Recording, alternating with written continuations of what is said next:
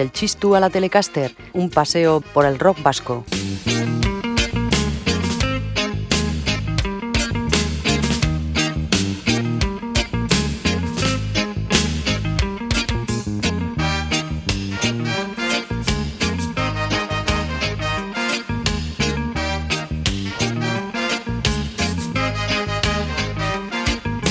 Entramos en el capítulo 12 más 1 del Chisto a la Telecaster. Los años y las canciones han ido pasando casi sin sentir ante nuestros oídos. Parece que fue ayer cuando pinchábamos a los grupos Yeyes de los 60, a los Bracamán de los 70 y su imposible reencarnación en David Bowie, o a las bandas del Euskal Rock como Sacre y Magdalena, pero no fue ayer sino hace más de 20 años porque hoy del Chistu a la Telecaster está en 1986, en plena consolidación del rock radical vasco nacido tres años antes. En 1986 ya se habían publicado los dos primeros discos del triunvirato rockero Barricada, La Polla y Erchaña. Se había publicado también el Zona Especial del Norte de Escorbuto y Rip y la primera referencia de discos suicidas, el single Naiko de Sarama, y su presentación a lo grande en el recopilatorio Sintonía Independiente que agrupaba a 12 grupos de Bilbao, In Extremis, Amas de Casa, los Santos, Isidoro y su colección de puertas plegables, Lavabos y Turriaga, Billy el Niño y los fantasmas del pasado, Los Impecables, Médanos de Singapur, Cómo huele, Nueva Religión y Rufus. En 1986, Rupert Ordorica había publicado ya tres discos. Estaban en la calle asimismo dos discos compartidos que habían dado a conocer a otras diez nuevas bandas, Cortatu, Cicatriz, J. Kie, Contusí, Damba, BAP, Ultimatum, MCD, Porquería T y Servicio. Desde otro ángulo también habían debutado discográficamente La Dama se esconde, Duncan Du, Resumiendo, habían pasado muchas cosas, pero aún quedaban muchas más por pasar. Éramos pocos y...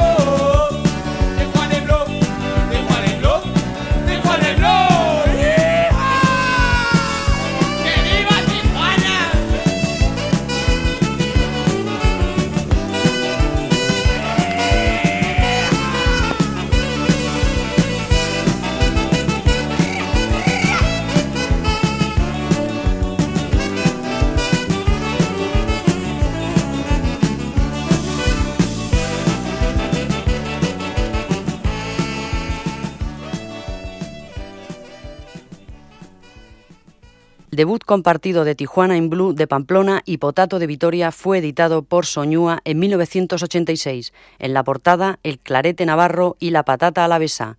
Dentro, nuevas propuestas del folclore experimental al punk y reggae party para una escena monopolizada por el ska Los inicios de la banda de Pamplona fueron espectaculares. Siempre organizaban algún show, rompían televisores o arrojaban vísceras a la audiencia.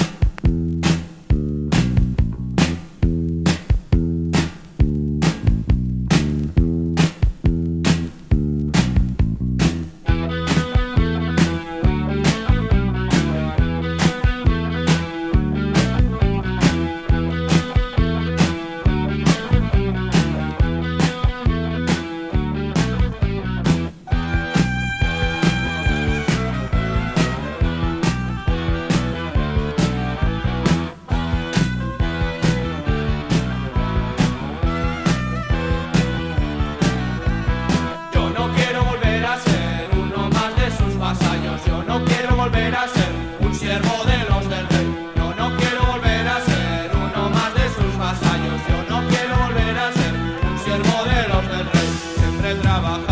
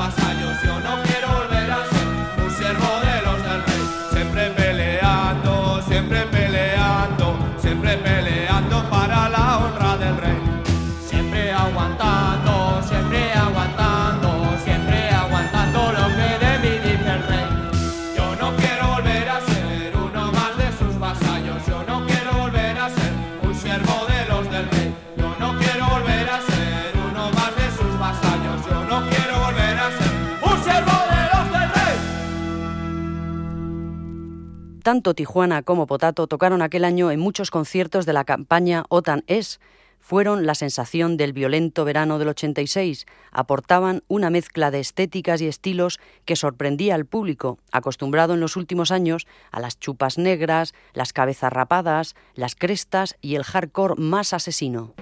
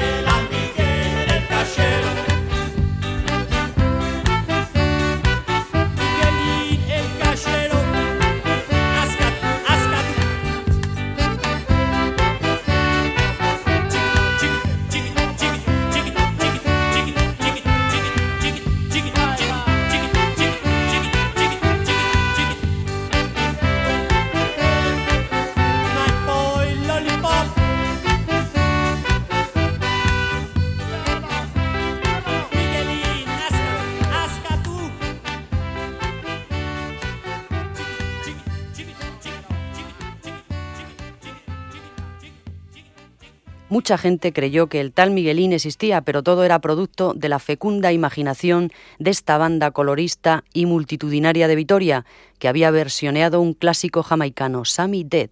Una vez más, el embrión de Potato había sido una orquesta de verbenas, la orquesta Dracar, todavía hoy en activo, de donde procedían dos de los componentes del grupo, Javier Oyoki a los teclados y Timoteo Zaeta a la batería.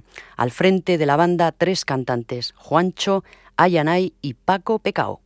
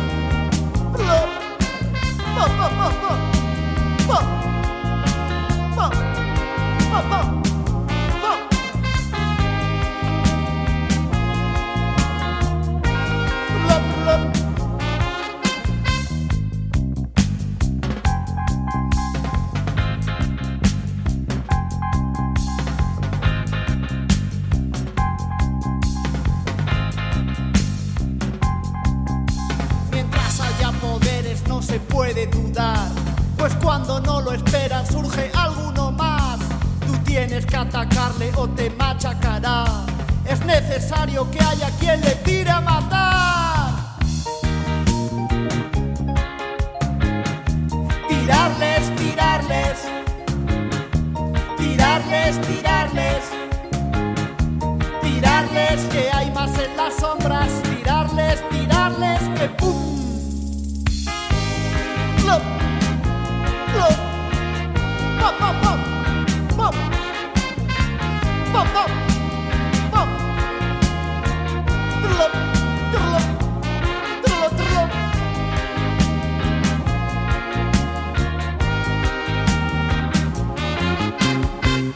El reggae popular riojano, o también que beban, que beban, como se conoció, potato, nacía al calor de la Euskadi tropical, término que no cuajó, pero que señalaba el camino a las futuras bandas vascas de reggae. Y seguimos en el programa del Chistu a la Telecaster, un chapuzón en el rock vasco de todos los tiempos. Los que se alejaban cada vez más de los sonidos caribeños eran el trío Cortatu, que publicó en 1986 su segundo disco, El Estado de las Cosas.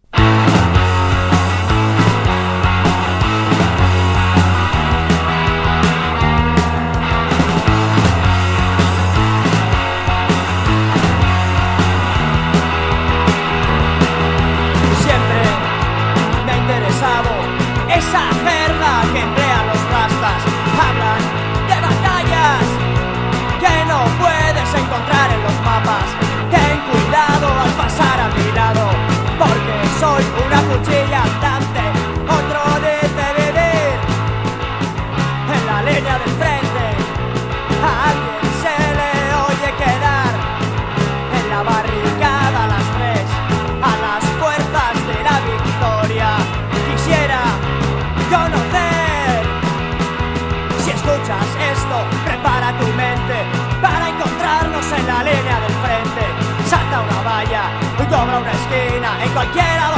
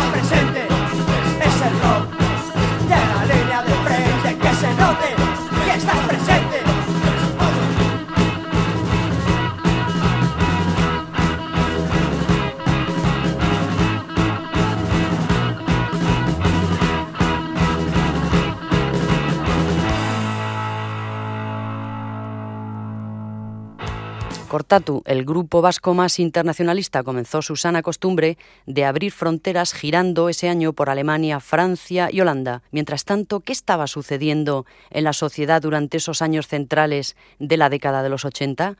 Acudimos a nuestro sociólogo de cabecera, Jacue Pascual, que nos dice el efecto del gran despliegue mediático que acompaña al proceso de privatización deconstruye los códigos sociales y los reinterpreta unilateralmente, aislando las imágenes de sus contextos de significación y entre sí mismas. Este proceso provocará la anulación de la historia e incidirá directamente en el refuerzo mediáticamente inducido de la individualización de los contenidos mínimos que se han de tener en cuenta para considerarse socialmente. En otras palabras,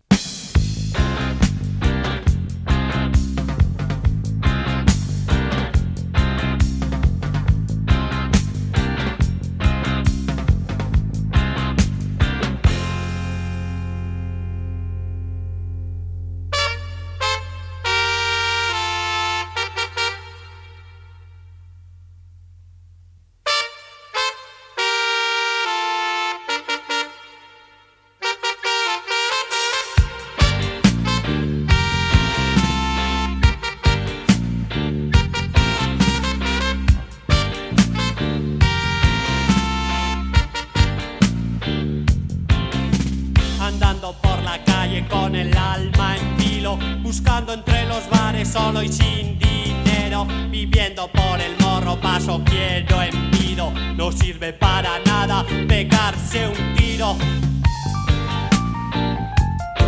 Será si hay Potroac, Andividez.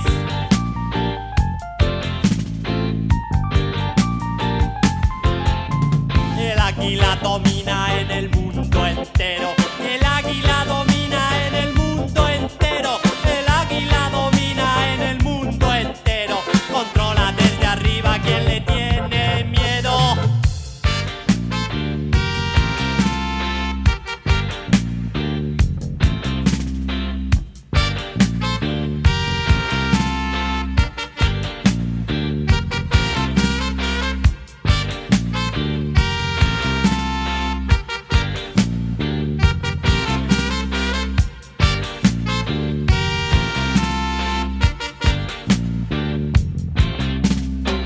Echarse tierra encima es enterrarse vivo. Vagar sin rumbo fijo es estar perdido. Pedir para vivir es ser un mendigo. Huir para olvidar es estar vencido.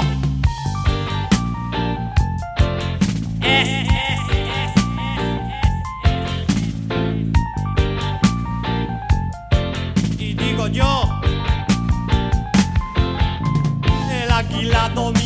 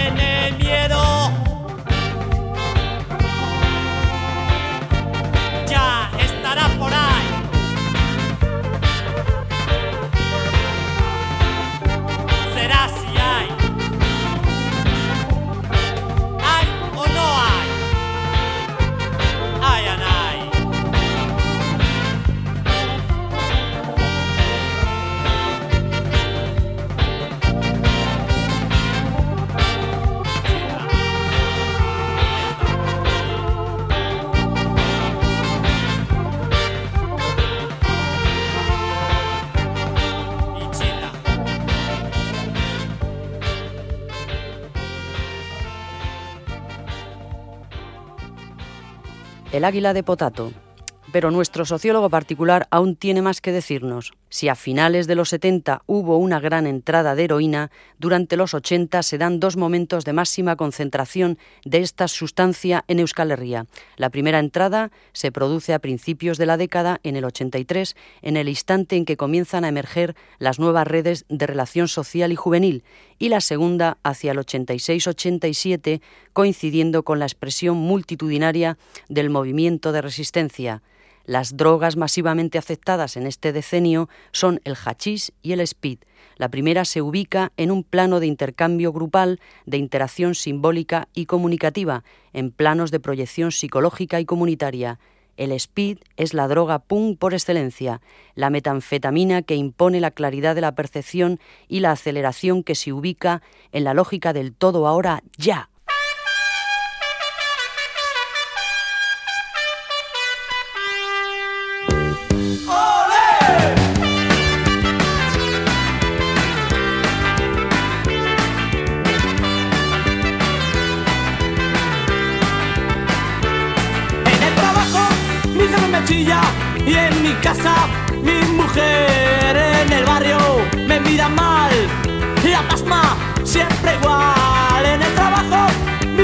y en mi casa mi mujer en el barrio me mira mal.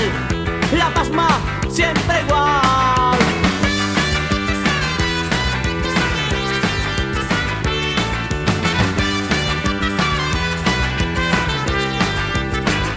Estoy harto, lo que yo quiero es ser torero.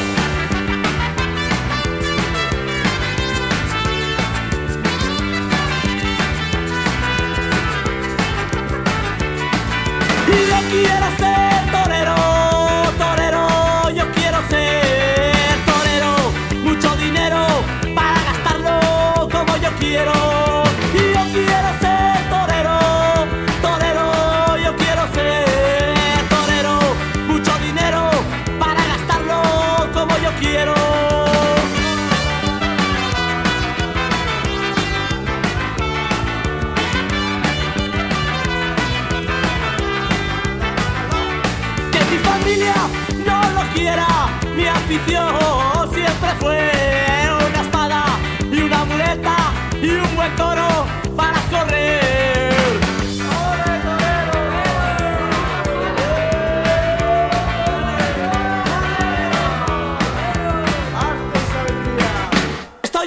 Yo quiero ser torero.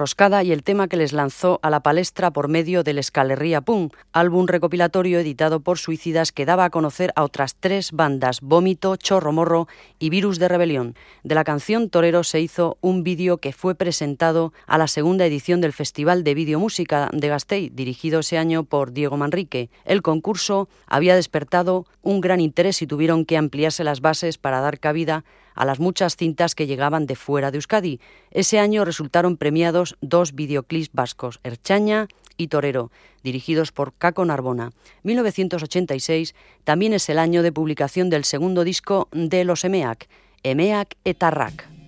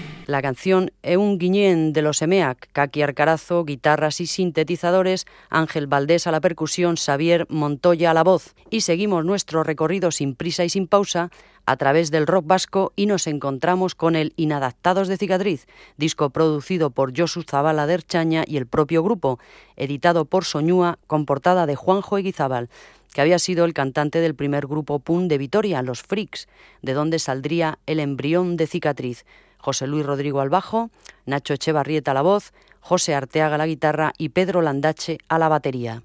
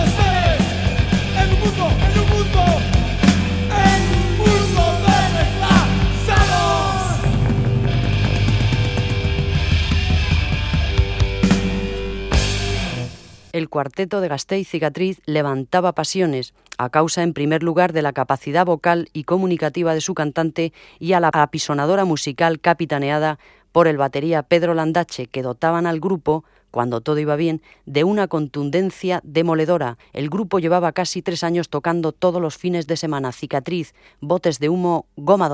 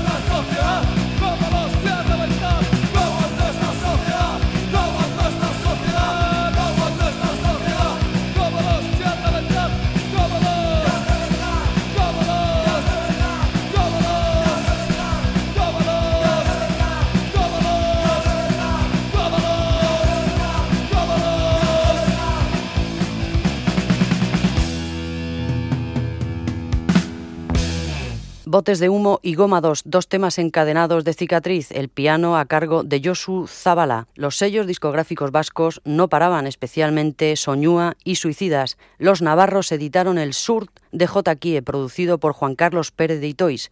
Cinco años a sus espaldas, numerosísimas actuaciones y un primer álbum para ellos solitos, El Orcha, Maolo, Luca y Pello, procedentes de la zona del Urola y poseedores de un power pop muy característico y energético. J. es Surt.